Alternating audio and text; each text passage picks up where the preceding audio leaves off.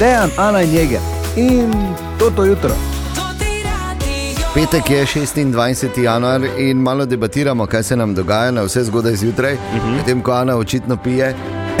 Smo Ah, slišali daj. par minut nazaj, da se mi zdi. Ja, pač se mi je. Da je Jezik se mi Ja, je res. zataknil. Pa jaz ti kaj boš s tami. Tako je, ja. Smo že nič koliko krat doživeli, ko si zapirala gostilno. tako Ja, da seveda. vemo, kaj- Pikovo damo ne, ja. na dogoški. Torej, uh, Jaz upam, samo da ne bo kdo zares vzel. ne, ne, seveda ne, se vsi, vsi te poznajo. Mi ne upamo reči, da je res, ker nas vse skupaj zlamaš. Ne.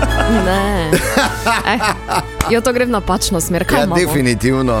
Simona je pisala in želi vsem dobro jutro in pravi, da ima spet eno težavo, ne ve, kaj si naj obleče. Jo, to, je, to je kar problem pri mnogih damah. Zgodaj zjutraj. Ja, ja. Ti, Ja. si, ti si zvečer pripraviš, Ana? Seveda.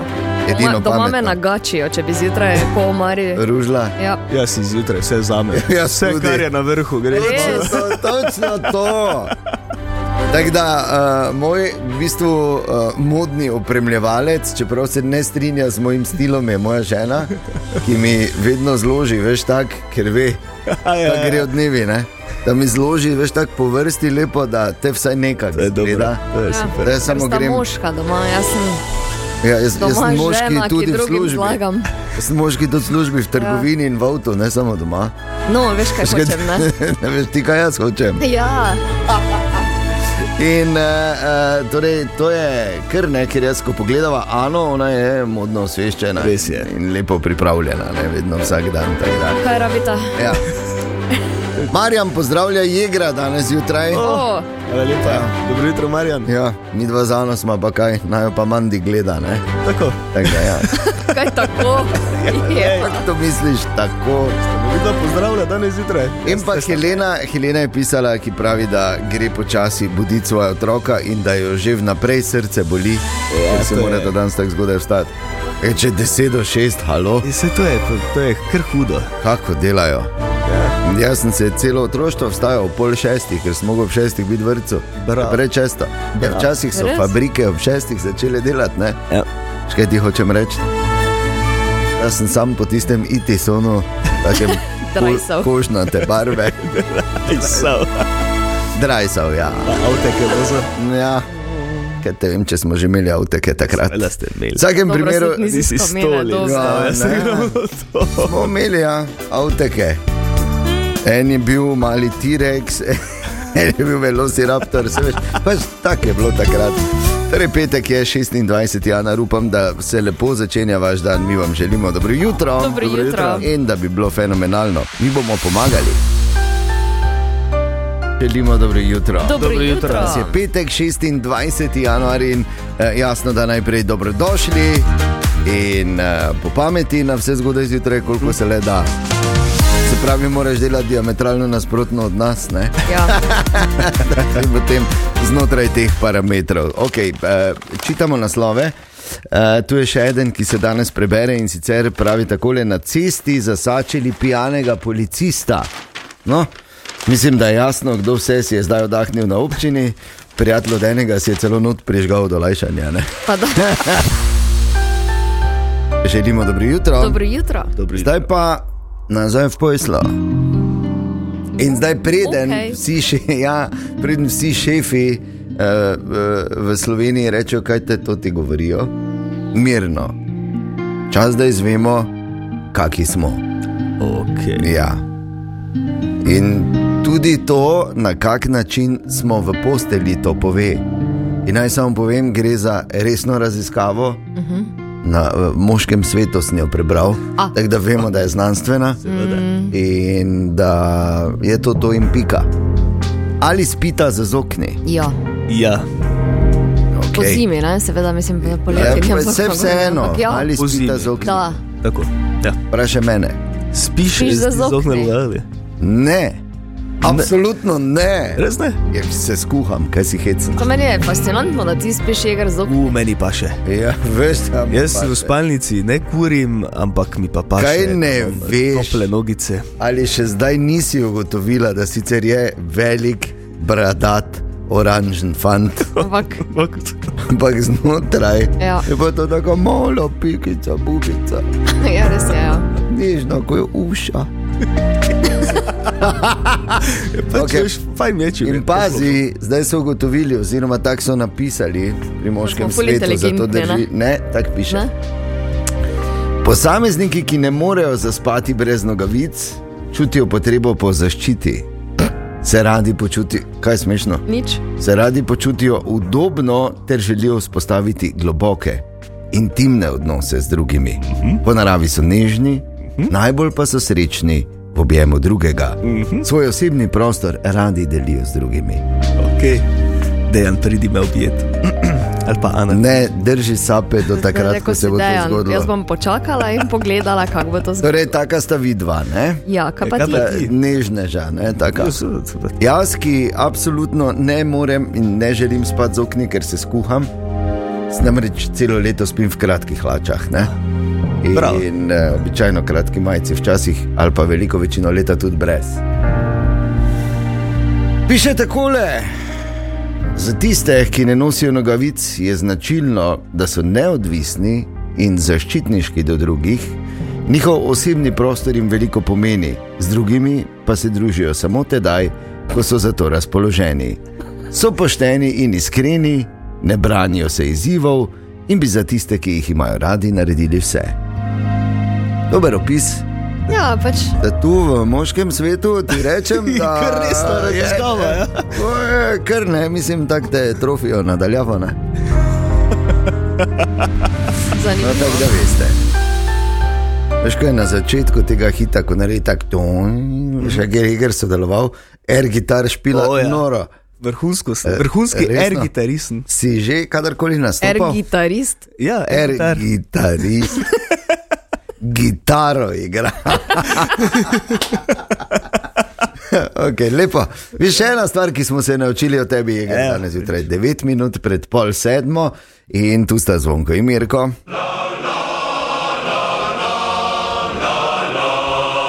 Zvonko in Mirko. Zvonkec, nekaj znakov, da si nadpoprečno inteligenten, si prvorojenec, pišeš z levo roko, si glasbenik, v posteljo se odpraviš pozno. Ja, kaj še?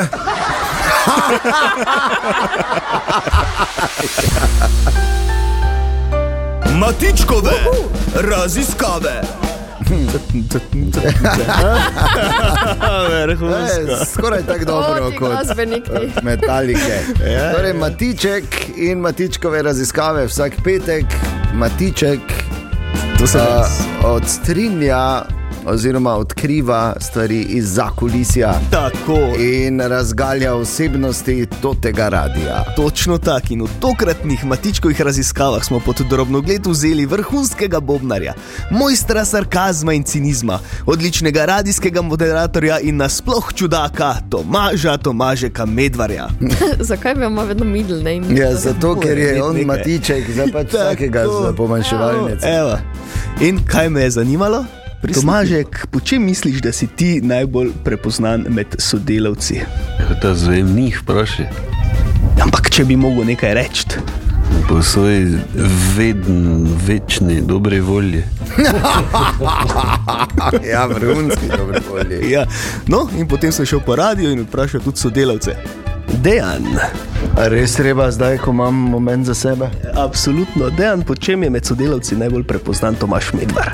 A, kar se mene tiče, potem, da je edini sodelavec, ki me je v svojo turistično kapaciteto na morju, v svojo malo večjo, srednje, veliko do veliko kapaciteto na Pašmanu povabil na obisk. Tanja, Potem, da nam nikoli ni dolg čas in ko je eh, Tomaž v etru, se sliši marsikaj ven iz studia. Tine, Homo.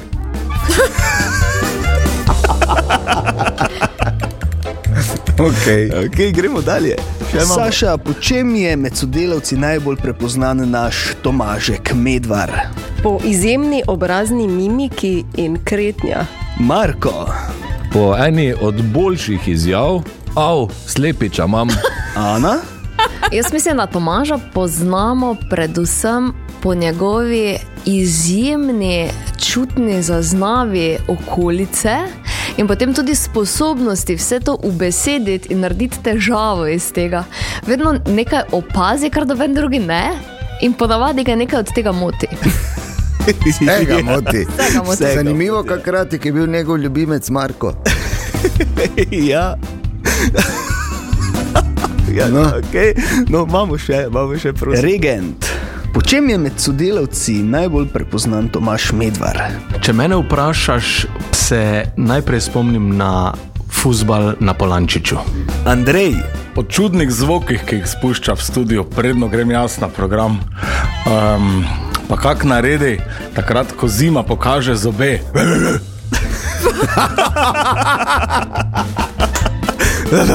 Ja, dejansko.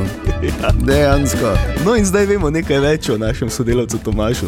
Hvala lepa, Matičkove raziskave tudi v video obliki na naših družbenih omrežjih. Tako. Častimo vam leto. Ja, in manj kot, eh, te, kaj manj kot teden dni. Ja. No, še pet dni, šest, v bistvu, no, Šest, pet, ja. šest na pet. Tak, po datumu gledano, 31. sreda, eh, takrat bomo izžrebali in do takrat se še lahko prijaviš z SMS-om z leto in svojimi podatki na nič 5, 220, 220. Ni panike, časa še je več kot dovolj. Ampak eh, treba pa je že malo začeti razmišljati, da boste v sredo eh, ob 8 eh, le poslušali. Mm -hmm. Ker eh, Ana bo izžrebala, to je že enkrat ena. Oh. In pol bomo, ja, kaj če si, si spomniš, kako je delala, Jo, kdo te bo drugi žrebal.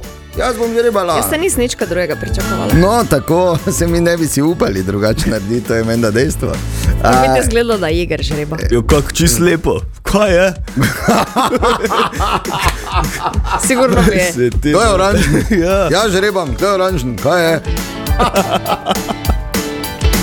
A, oh, a, ena zanimiva situacija. Veš, kaj je to, ko te ena številka kliče, pol pa ti kličeš nazaj, ker se ne moreš javiti, pa kličeš nazaj, pa se nekdo drugi ne more javiti, pa te spet nekdo kliče, pa se spet oh, ne moreš ja. javiti. Pa spet, tako imam jaz danes zjutraj z enim poslušalcem ali poslušalko, gledaj, zdaj spet kliče. Ja, zdaj se bom pa kar javil.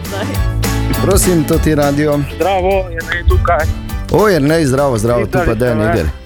Ja, jer ne, ti pa tudi. Ja, Si nas klical, nisi? Jaz tako, mislim- nekaj si Je- poslal. A, kaj si poslal, jer ne? Uh, za leto, za 500 evrov. Super. Mesečne rente za celo leto. Ja, si poslal, odlično. Ja. In zakaj si še poklical potem, kaj še rabiš, kaj uh, od nas, kakšno informacijo? Kaj? Uh, ne, nič ne rabim. Aha, ok, verjeti. Ampak Načeloma. dobro. Uh, a ja, poklical sem zaradi tega, verjetno, da sem si številko stran, sem SMS. Aha, ok. Se pravi, Jrnej je, Jrnej je zelo praktičen. ne, tako da, Super. Tako da zdaj imaš našo številko shranjeno. In Tako. za karkoli, če bo treba SMS poslati ali pa nas poklicati, samo napiši si to ti radio ali pa kralj Jeger, recimo tudi. No, ne. To bi lahko ja. To bi lahko dal. Okay, kaj že imaš plan, če boš naslednjo sredo izžreban, kaj bi s temi 500 evri naredil? Uh, ja, do- dosti planov, ja. ja. Je? Nam Eno od enega tega, izdaš? Da bi, se, da bi se lahko kredit pokrival celo leto. Ne? A, evo, ja. Ja. Vidiš, vse to je tudi namen ne, tega častimo leto. Mi smo izhajali iz povprečnih stroškov, povprečne družine uh, za osnovne potrebščine, ampak gled, če porabiš za kredit, ti ostane za ostalo, ne več. E, tako, ker za dva otroka, kaj še imam, bi vrejo koristno. No, na semeni. Tako da ja, držim pesti, Ja. gled, prihodnjo sredo uh, imamo žrebanje, pa upam, da se takrat slišiva. No, super, hvala lepa. Lep dan. Tam vam želim. Enako, adijo. Čau. Evo, vi smo zrihtali. Dejan, Prosim. kaj si ti slučajno na začetku rekel, Dejan Jeger? Ja. Ne, niti ne. Ti si želiš, da Dejan, bi se sem Jeger pa pisala? Jeger. A, Dejan pa Jeger, Ane pa še sploh nisem prišel zraven, ker je že šla dalje debata. Ne, Dejan Jeger si Dejan rekel. Jeger. Ti si, ti si to celi, si pa ne, ne, ne, ne, Ti si želiš To bi tako- si želel, ti bi si želel to. Daj, ne, Ja, ja, ja. Jeger. Pa daj, prosim te. Pa, pro- vest dru- govori pa prosim te, lepo Jeger, prosim te, lepo nehaj. No, Lepo bi se. Pa prosim. Častimo vam leto. To ti radio in digitalno zobozdravstvo VBO. A ti si zami kaj boš? 26. januar, dobrodošli, upam, da ste dobro spali, da vas polna luna ni matrala, ne? Musla. Nosla, po hiši. Ja, da vas ni podlakala. Ja, veš, kaj pravijo, da Podlaka? ja, no, Ja, zaradi vidiš, malo- nesrnih hrbet. Tako, ja, srni hrbet, pa dolge nohte. Ja. Oziroma, kot temu reče, je ker moja soseda. To pa ni res. Ja, ja tako je govoril. Ne, ne, ne, tako govori. Oj, oj, boš govoril. No, ko listamo zanimive naslove, pa uh, se seveda na veliko ukvarjajo s temi aktualnimi aferami in interpelacijami. Ne, se vidi, da se, so dali malo gas na slovenski politični sceni, ta eh, nakup sodne stavbe in pa afera 3000 računalnikov. 13 tisoč. Pardon, tri- 13 tisoč, ja, hvala lepa. A, mis- Se tu mi ni jasno, ne? ker imamo mi ministrstvo za digitalno preobrazbo ali računalniško trgovino. Petek je, veš kaj imamo v petek, ne? Skoraj ne mogoče vprašanje. Ta, ta, ta. Jeger je izenačen na zadnji, ali kak je bilo, ne? Ne, vodi. Noben ni vedel. Je vo. Kdo je samo izenačen? Vodim, vodim. Je. Vodiš. A, Ana, kaj je veš, to? Kaj, nič ne vem o tem. Seveda. In še enkrat boš rekel, pa dobiš eno okoli uhe. Se veš, kak je. Se ne bom. Okay, torej, skoraj nemogoče vprašanje mm. tudi danes, korenini v eni raziskavi iz Evropske unije, v katero zapademo tudi slovenke in slovenci. Danes je o moških in posredno tudi o ženskah. Uh. Ali ima jeger komparativno prednost zaradi tega? Nastavljaš mu se to tako. Ali, ali bo tudi tokrat veljalo, da je vprašanje veliko bolj spektakularno od odgovora? Pazite to. 40 odstotkov moških v Evropski uniji, torej skoraj polovica, 4 od 10, recimo 40 odstotkih, 400 od tisočih in tako dalje, Ja. jih ne zna povedati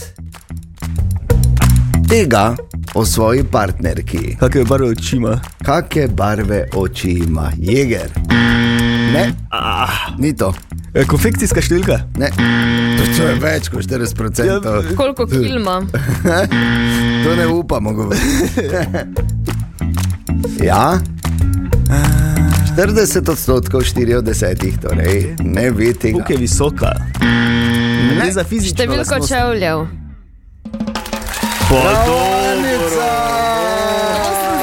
Rešiti, zdaj pa grem na vikend, pa se pol naslednji petek spet srečamo. Igor? 4-4 je tako, da prosim. Številko čevljev, ja, 4 od 10 ne vejo, kako Ja, ja, fuso. no. Itak sem ti jaz pomagal s konfekcijsko, pa tako da bi si pol samo nadaljevala. Tako da prosim, spet- ne nabodi me nekaj preveč. še- eh, Dokler- Zmaga čista kot solza. Tako. Prav kraljica Tezna, ki je udarila ponovno.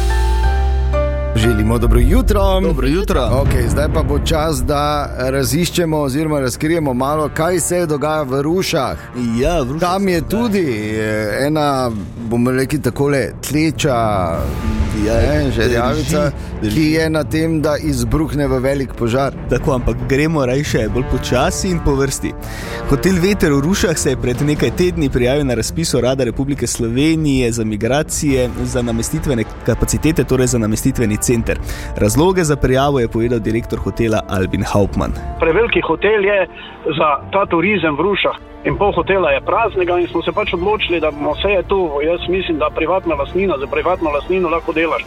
Se mi tako zdi neumno, da se pač ljudje punijo. Ni, ni to nobenih beguncev, nobenih eh, arabcev, ne vem, to je govarjali, da bi prišli eh, begunci iz pravzaprav mamice z otroci iz Ukrajine. No, ampak nekateri občani ruš situacije ne vidijo tako skrbi jih namreč, da bi hotel postal azilni dom. Hauptmanu so na Facebooku tudi grozili, da bodo hotel požgali, s tem se zdaj ukvarja policija, se je Hauptman grožnje prijavil. Prav tako je potrdil, da bo pri projektu ustrajal. V civilni inicijativi za boljše ruše pa so občino pozvali naj v zvezi s to zadevo razpiše posvetovalni referendum. Pobudnik inicijative Neven Lisicar navaja razloge. V civilni inicijativi ne, smo proti spremembi hotela Veter v namestitveni center in sicer iz treh razlogov. Prvič, eh, s takšnim centrom v bistvu se močno odmikamo od sprejete vizije in strategije razvoja občine do leta 2030, ki je temeljila na turizmu, pa tudi varnosti in kvaliteti življenja. Drugič, eh, dosedanji postopki v zvezi z namestitvenim centrom so bili izpeljani v bistvu nestrokovno, netransparentno, pa tudi zavajajoče za javnost. Namreč, Županja in občinsk, občina Ruše ne, se uh, do tega namestitvenega centra v bistvu uradno sploh nista opredelili. Ne. Uh, kot tretje ne, je pa praksa iz teh ostalih uh, tovrstnih centrov po državi pokazala, ne, da je realno stanje v bistvu veliko bolj problematično, ne, kot pa je bilo strani tega urada za migracije sprva predstavljeno.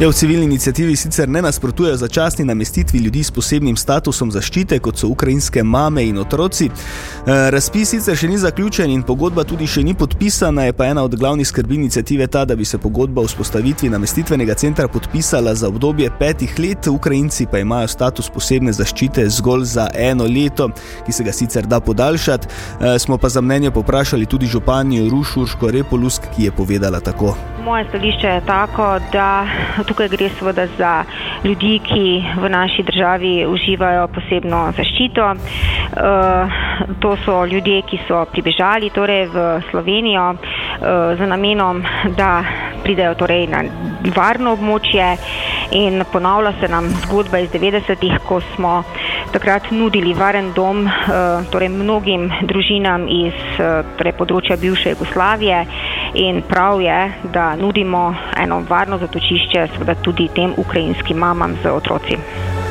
Ja, poudarila je, da je to njeno mnenje, saj mnenje občine občinski svet še ni sprejel. Moral bi ga na včerajšnji deseti redni seji, ki pa se je zaradi obstrukcije glasovanja pri sprejemanju proračuna eh, končala predčasno. Na sejo je bila vabljena tudi direktorica urada za oskrbo in integracijo migrantov Katarina Štrukel, ki pa je povedala, da je pri takih zadevah bistvenega pomena dobro sodelovanje z lokalno skupnostjo. Poudarila je tudi, da bi bili v rušah nastanjeni samo legalni migranti in da ne načrtujejo azilnega doma.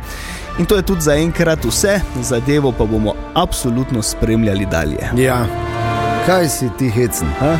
Prvo, kar je, uh, kako je te lahko inicijativa za boljše ruše, kako se te ruše še lahko boljše. To je A. B, kaj če bi se malo bolj pogovarjali. Ja. A to je recimo prvo, da bi se recimo pogovarjali, da bi šli preko nekih uh, osebnih. Uh, bom rekel, tako osebnih gledanj na svet in situacijo, in se več pogovarjali in operirali z dejstvi. In tretje, moram reči, žal, tako iz uh, razdalje, se pa to vse skupaj, drage rošanke in rošani, uh, bere oziroma gleda tako, kot ful smo strpni, dokler se ne začne dogajati nam. Kar pa absolutno ni prav, ampak verjamem, da obstaja možnost ene pozitivne rešitve te situacije in da bomo na koncu vsi zadovoljni in še naprej radi hodili v čudovit kraj z imenom Ruše. Tako. Želimo dobro jutro. Dobro jutro. Dobro jutro na ta petek, 26. januarja, ko uh, se mnogi vznemirjajo, tudi ker uh, veš, ko je ta nova kolesarska pot na desnem bregu Drave. Ne? Je, In je tam pač enih par škarp narejenih, betonskih, in to je v bistlu platno. Ja, ne popisan To je platno. In uh, seveda eh, so pač grafitari izkoristili to ponujeno platno in zato je grozno, in občina je hotela dol prav, pa ni šlo.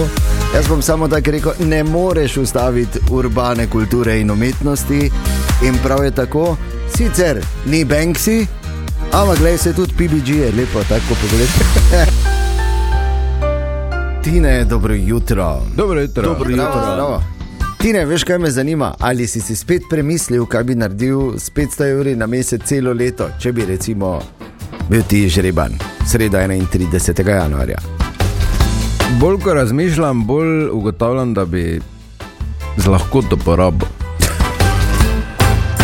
Pa koliko se poznam, danes sem glih razmišljal, koliko se poznam, bi ne bi nič pametnega ven z tega prišlo. Tako da, eh, mogoče boljše, če bi mi to doma vzeli, ne? Pa danes je že v redu. ali pa da pač kdo drugi dobi, ne? Ker, Kar tudi bo. Ne? Kar bo, ti ne boš. dobil. Mi samo hipotetično se pogovarjamo. ja, kaj, kaj te veš, kam, kak sem se jaz prijavil? Ja, nisi se ne. Ja, kak ti veš? Ja, poznam Kaj, če te. se taki liste. Dobro, v redu.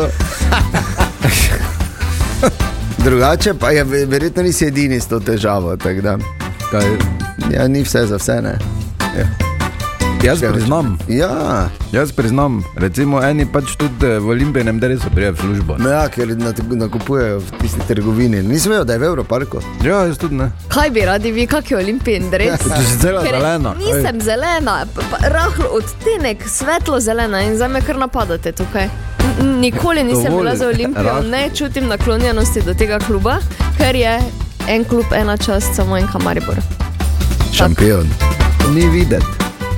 Pa kaj vaš ne, da tako je. Bi se slekla, žal ne morem. Vem, kaj bi spet stavili. Kaj bi? Ani bi ga dal. Ja, v redu.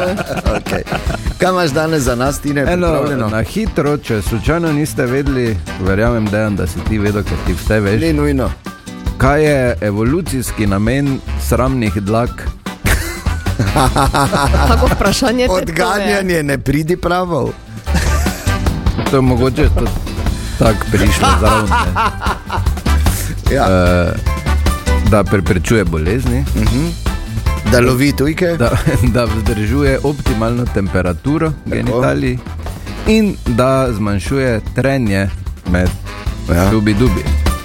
Tako da uh, vsi, ki ste se danes imeli namen, ne, mogoče razmisliti. Razmislite, ker dva milijona let nekje smo ne, človečnjaki na tem planetu. In eh, v zadnjih 50 letih se je mnogim uspelo ne, Ja. delati In- na tisočletja Tako evolucije. rekel, odkar se brijemo, od takrat gre vse skupaj. Res je. Nekam, ne, tako da. Mogoče se bi vsi pustili. Mogoče pa ne. ne. Zakaj ne, kaj nisi slišal? Zakva pa ne? Ja. Kaj lahko razumela? Te še enkrat ti povej, ti bo razumela.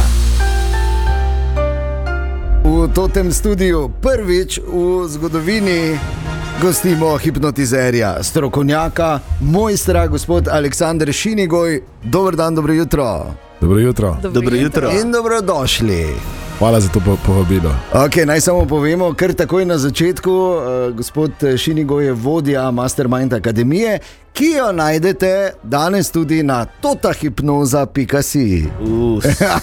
Zelo lepo.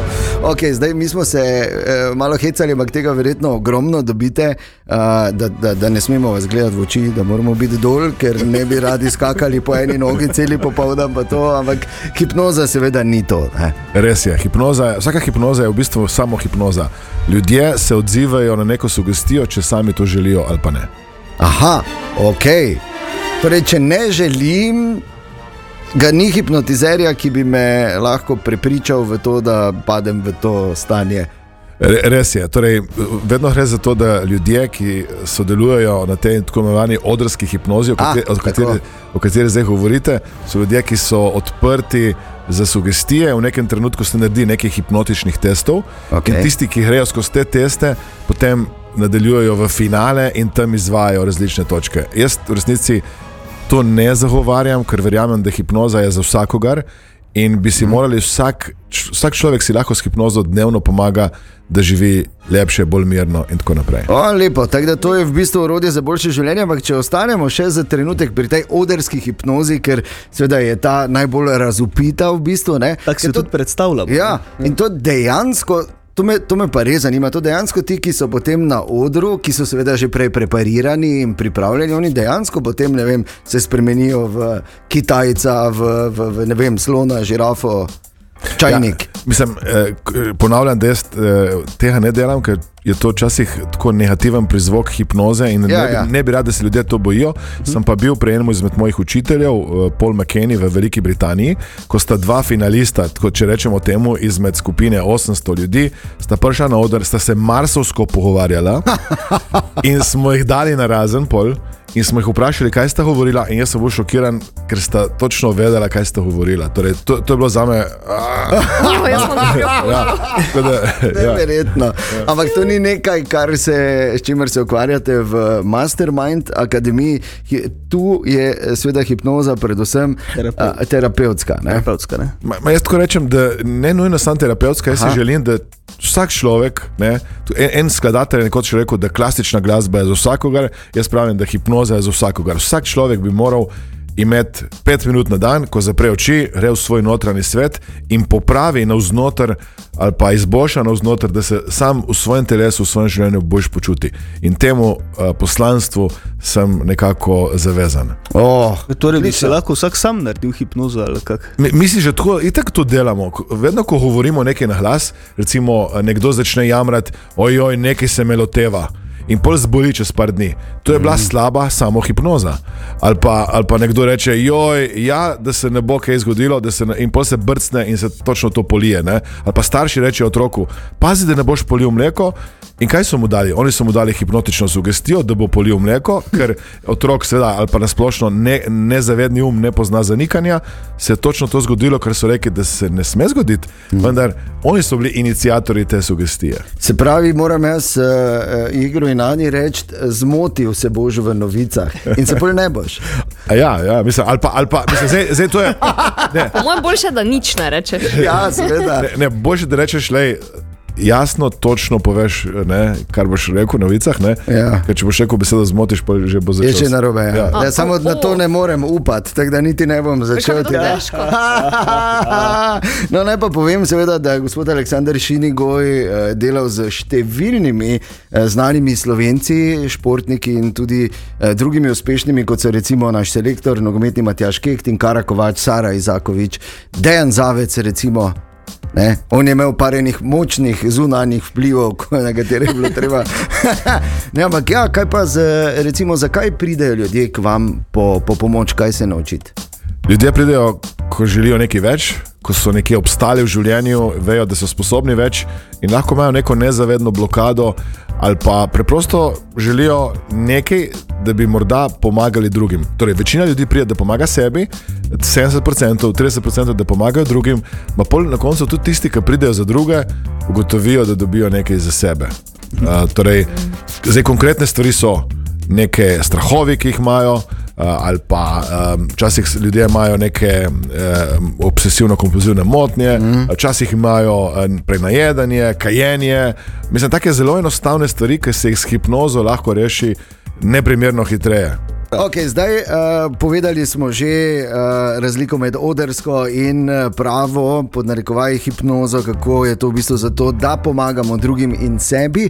Zdaj pa me zanima same tehnike. Zdaj spet, če gremo skozi stereotipe, je potem tu neko nihalo ne, in ti si žemljica. In, in ne vem, morda tudi pač nek tak. Potek, ko daš nekomu roko, pa ga malo cukneš in hopa, pa že roka na glavo in ti si moj. Tega ni, ne? Ja, mislim, to, to, so lahko, to so lahko vrste indukcij in teh vrst indukcij imamo zelo veliko, vendar naprimer nihalo ali pa tudi te hitre indukcije se v tem resnem hipnotičnem svetu ne toliko uporabljajo, so pa zanimive morda za videti. Ja, absolutno. In uh, uh, je nekaj za šov, ampak če za res, kako recimo vi. Uh, uh, izvajate to hipnozo, kako spravite, katero obliko indukcije, če sem se prav naučil, uporabljate? No, Najpogosteje. Zdaj, eh, zdaj je zanimivo, spoh, um, jaz ponavadi vprašam ljudi, kaj pravzaprav hočejo spremeniti. In na podlagi tega, ko jih poslušam, ugotovim, da ta oseba rabi nekaj bolj direktnega, direktivnega, ali pa rabi mogoče nekaj uh, indirektnega, ko sama zbere uh, neko sugestijo in testiram indukcije, naprimer, ko rečem, zdaj pa zapri oči. Eh, Se sprosti in potem gremo v to, da se fokusiramo na notranji svet. Torej, ljudje grejo v hipnotično ali pa trans stanje, takrat, ko so usmerjeni na nekaj, kar se dogaja znotraj. To je bodi si ali spomin ali pa konstrukt. Naprimer, opiši mi en dogodek, ko si bil na dopustu in oseba mora iti v mislih nazaj in pobrskati in uh -huh. se ukvarjati s pre- preteklostjo, ali pa predstavljaj si, da nekaj dosežeš, grejo v prihodnost in to je vse, temu rečemo downtime. Uptime je, ko pa rečemo, zdaj si pa tukaj in zdaj. Kaj vidiš, kaj slišiš tukaj in zdaj. To je ven iz transa in v trans je pa a, to, kar sem zdaj rekel, spomin ali pa konstrukt. Aha, wow. O, jaz sem že malo več, jaz sem že malo v downtimeu, se mi zdi, da je gospod Aleksandra poslušam. Ali je to pomembno za hipnotizerja, da je uh, zelo, bom uporabil besedo, koherenten v odnosu do uh, recimo pač tega, ki je prišel na hipnozo. Se pravi, mora biti tu neka superiornost v mislih, v nastopu, v kontaktu na ezoter, ezoterični ravni. E, e, jaz skoraj mislim, da obratno. Torej, torej, torej, da um, jaz kot, kot uh, nekdo, ki hipotizira, doskrat rečem, da nisem popoln, da sem tukaj, da uh, pomagam tej osebi, da smo na isti valovni dolžini, uh, da vsak na svoj način se trudiva in na nek način. Um, jaz v resnici verjamem, da sugestije, ki jih dobivam, lahko sploh niso moje, da prihajajo ne, skozi mene. In um, je pa res, da je treba z glasom doskrat dati jasen ukaz nezavednemu umu, da se ta sugestija tudi potem zgodi. Če rečemo nekomu, recimo, ko želi nehati nekdo kaditi, je, je pomembno, da to je lahko jasno, kako izgleda novo vedenje, da oseba potem dejansko neha kaditi. Naprimer. Ja, to je zelo zanimiv primer. Se vam bolj pomenila. Drugače pa a, je pa tudi zanimivo, kako ste vi v bistvu začeli s tem. Ne? Vi ste tudi izhajali iz pač neke osebne težave oziroma zagate. Ne? Res je, jaz sem pač eh, po enim. To je leta 2003, po cekup izzivov sem imel stežo z zdravjem, torej, torej starši so se takrat ločevali, moj, uh, finančno je bilo nekih izzivov. Mislim, to je res, kot bi rekel, cela paleta izzivov in kar naenkrat končam v bolnici in iz tiste bolnice pridem ven jezen uh, in, in odločen, da bom nekaj naredil. In ko sem raziskoval različna orodja, mi je hipnoza prinesla največ miru. Kot da bi recimo bil v nekem takem mirnem stanju. Uh, ker včasih sem dobil kakšen tak hype, da sem bil dobre volje po neki delavnici, pa ne. Samo to mi je tako. Pol. In pri hipnozi sem pa dosegel neko konstanto in ugotovil, kako je to čudovito orodje in zakaj ga ne bi več ljudi spoznalo in uporabljalo v vsakdanjem življenju. Še enkrat podarjam, hipnoza je za vsakogar, je že v osnovne šole, v prvi razred ali pa celo v vrtec, bi dal nekaj enostavnih oblik, da si ljudje, otroci, naprimer, znajo pomagati ko jih je kdaj strah, ko ne morejo zaspati, ali pa, ali pa ko, ko ima nek občutek, ne vem, da, da rabijo motivacijo, koncentracijo, da, da si znajo ljudje sami pomagati, ne da je to prepuščeno samo neki izbrani skupini ljudi. Skratka, da se bi imeli vsi skupaj malo bolj v rokah. Recimo, ja. Ja. Ja. Ja, mene pa zanima tudi na vaši spletni strani. Sem videl ta NLP coaching, to je kaj z neznanimi letečimi predmeti povezano, ali kaj- zakaj gre pri tej stvari? Eh, NLP oziroma neurolingvistično programiranje. A, to je neurolingvistično programiranje. Je, Probal si. Kako nisi vedel? Okay, na nek način vesoljci, ja, samo v naših glavah. Ja, ja gre, za, gre za tehnike eh, zelo podobne, imajo pa mogoče nekoliko drugačno strukturo, je pa tudi NLP na nek način eh, hipnoza. Um, eh, torej, ogromno hipnoze se v NLP-ju že, že uporablja. Na Mastermind Akademiji, gospod Aleksandr, izvajate tudi brezplačne delavnice. Res je. To zdaj ne pomeni, verjetno, da po nekaj dneh postanemo mojstri hipnoze, ampak verjetno dobimo ravno te osnove, s katerimi si lahko pomagamo. Res je. Moja želja je, kot rečeno, da bomo eh, vsi znali neke hipnoze in eh, ljudje dobijo pogled, kako je struktura hipnoze, torej sedem korakov za hipnozo, spoznajo različne indukcije, sugestije in že neko spodbudo za življenje naprej. In tiste, ki jih zanima, se lahko potem prijavijo v nadaljevanje. Aha, ok, se pravi osnovna informacija, ampak tudi že osnovne tehnike, ki jih lahko na nek način date, uh, date avto za testirati za kakšen teden, ne, preden se potem, ne, da ga lahko dobro potestiraš, da vidiš, če je to orodje zate. K- eh, So kakšni posebni načini, kako se prijaviti? Eh, Prav na tej strani, ne, vi ste to ti radio, mi smo rekli, okay, če so oni to ti radio, bomo mi to ta hipnoza. No, Tako- da tako lepo sliši. Ne? Ja. Torej, na to ta hipnoza.si strani uh, bo tam neka povezava, se prijavijo uh, in uh, spoznajo konkretnih. Jaz bom predstavil sedem praktičnih tehnik, ki jih lahko takoj uporabijo v svojem življenju za hipnozo in samo hipnozo. In spet ne, ne, ne želim, da bo zdaj, mislim, recimo hipnozo lahko delamo v spanju. Jaz nočem, da bo ne, nekdo prišel in bo začel, recimo, da bo žena možu, ko bo spal, ne, ker mi lahko delamo hipnozo tudi, ko ljudje spijo. Ne, ne, ko se zjutraj spu- zbudiš, boš sesal dnevno sobo. ja, To ne obstaja? Boš začel Ne. Likati. boš, bo začel likati. Torej, ne želim, da bodo ljudje tako začeli hipnozo uporabljati, ker sem že prej rekel, vsaka hipnoza je samo hipnoza in, in potem prej slej ljudje rečejo, uf. To, to, to sugestijo ne sprejmem in uh, se ja tega ne bojo naredili. Okay, tako da na neki točki se je treba zavedati, da je tu še faktor osebnih preferenc in odločitev. Ja, gospod Čuli, uh, Šuli, Šinigoj, pardon, A, na robe sem si. Uh, kaj to je bila kakšna sugestija zdaj od vaju? Ja, da, se ja, bom ja. jaz, da se bom jaz zmotil? Je bila. Ne, prej, ne si, priznam prej si tega. sam začel to, ja, da si ja. začel govoriti o tem. Ne, in zdaj, In zdaj, glej, zdaj, ja, samega sebe, vidite, da deluje. Vidite, da deluje. V teoriji, torej, ne vem, imam jaz um, vem, težave, želim nehati kaditi, želim shujšati, želim te osnovne. Tu že dobim urodja v tej brezplačni, uh, brezplačni šoli na totahipnoza.si, uh, da si lahko pomagam. Res je. In, Oh. in, in, in doskrat ljudje mi rečejo, da so poslušali že prvi dan ali pa tako ne, brezplačno delavnico in so že naredili neke spremembe. Torej, eh, tudi jaz dam dosti primerov ljudi, ki so inspiracija. ker Včasih mi rečejo, jaz sem prestara, jaz sem premlada. Mi smo imeli lani enega gospoda, ki je 38, 38 let kadil, vsak dan eno škatlico Malboro in ne kadi več. eh, In je rekel, če bi to nehal na začetku, ne, bi si lahko kupil eno trosobno stanovanje, izračunal, koliko je denarja, Oh. koliko je denarja investiral. Ne. A, imamo ljudi, ki recimo, imajo strahove od. Kdar se spomnijo in kar naenkrat se zbudijo, in ne znajo ta isti strah priklicati več, ali pa se kar naenkrat ene hrane ne dotaknejo več, ker so rekli, tega ne bom več jedla, pika, in postavijo neko mejo. Torej, um, in, in to naredijo že, ko vidijo to brezplačno delavnico. Wow, torej, to ta hipnoza, pika si, ampak pravi test, seveda, še sledi, pravi tek- test v podobi našega matička Jegra. Gospod Činigoj bo seveda opravil uh, en primer, ki ga bomo posneli in seveda kasneje objavili tudi na naših družbenih omrežjih. Gospod Aleksandr, najlepša hvala za vaš čas. Hvala vam. Izjemno je bilo poučno, morda bomo Je, res je. organizirali tu na radiju, ker mislim, da imamo par posameznikov z velikimi problemi, ki bi Ja. potrebovali vaše ekspertize. Res je, vseh 15, kar nas je zaposleno. Hvala lepa, res. Hvala vam. Dejan, Ana in Jeger in toto jutro.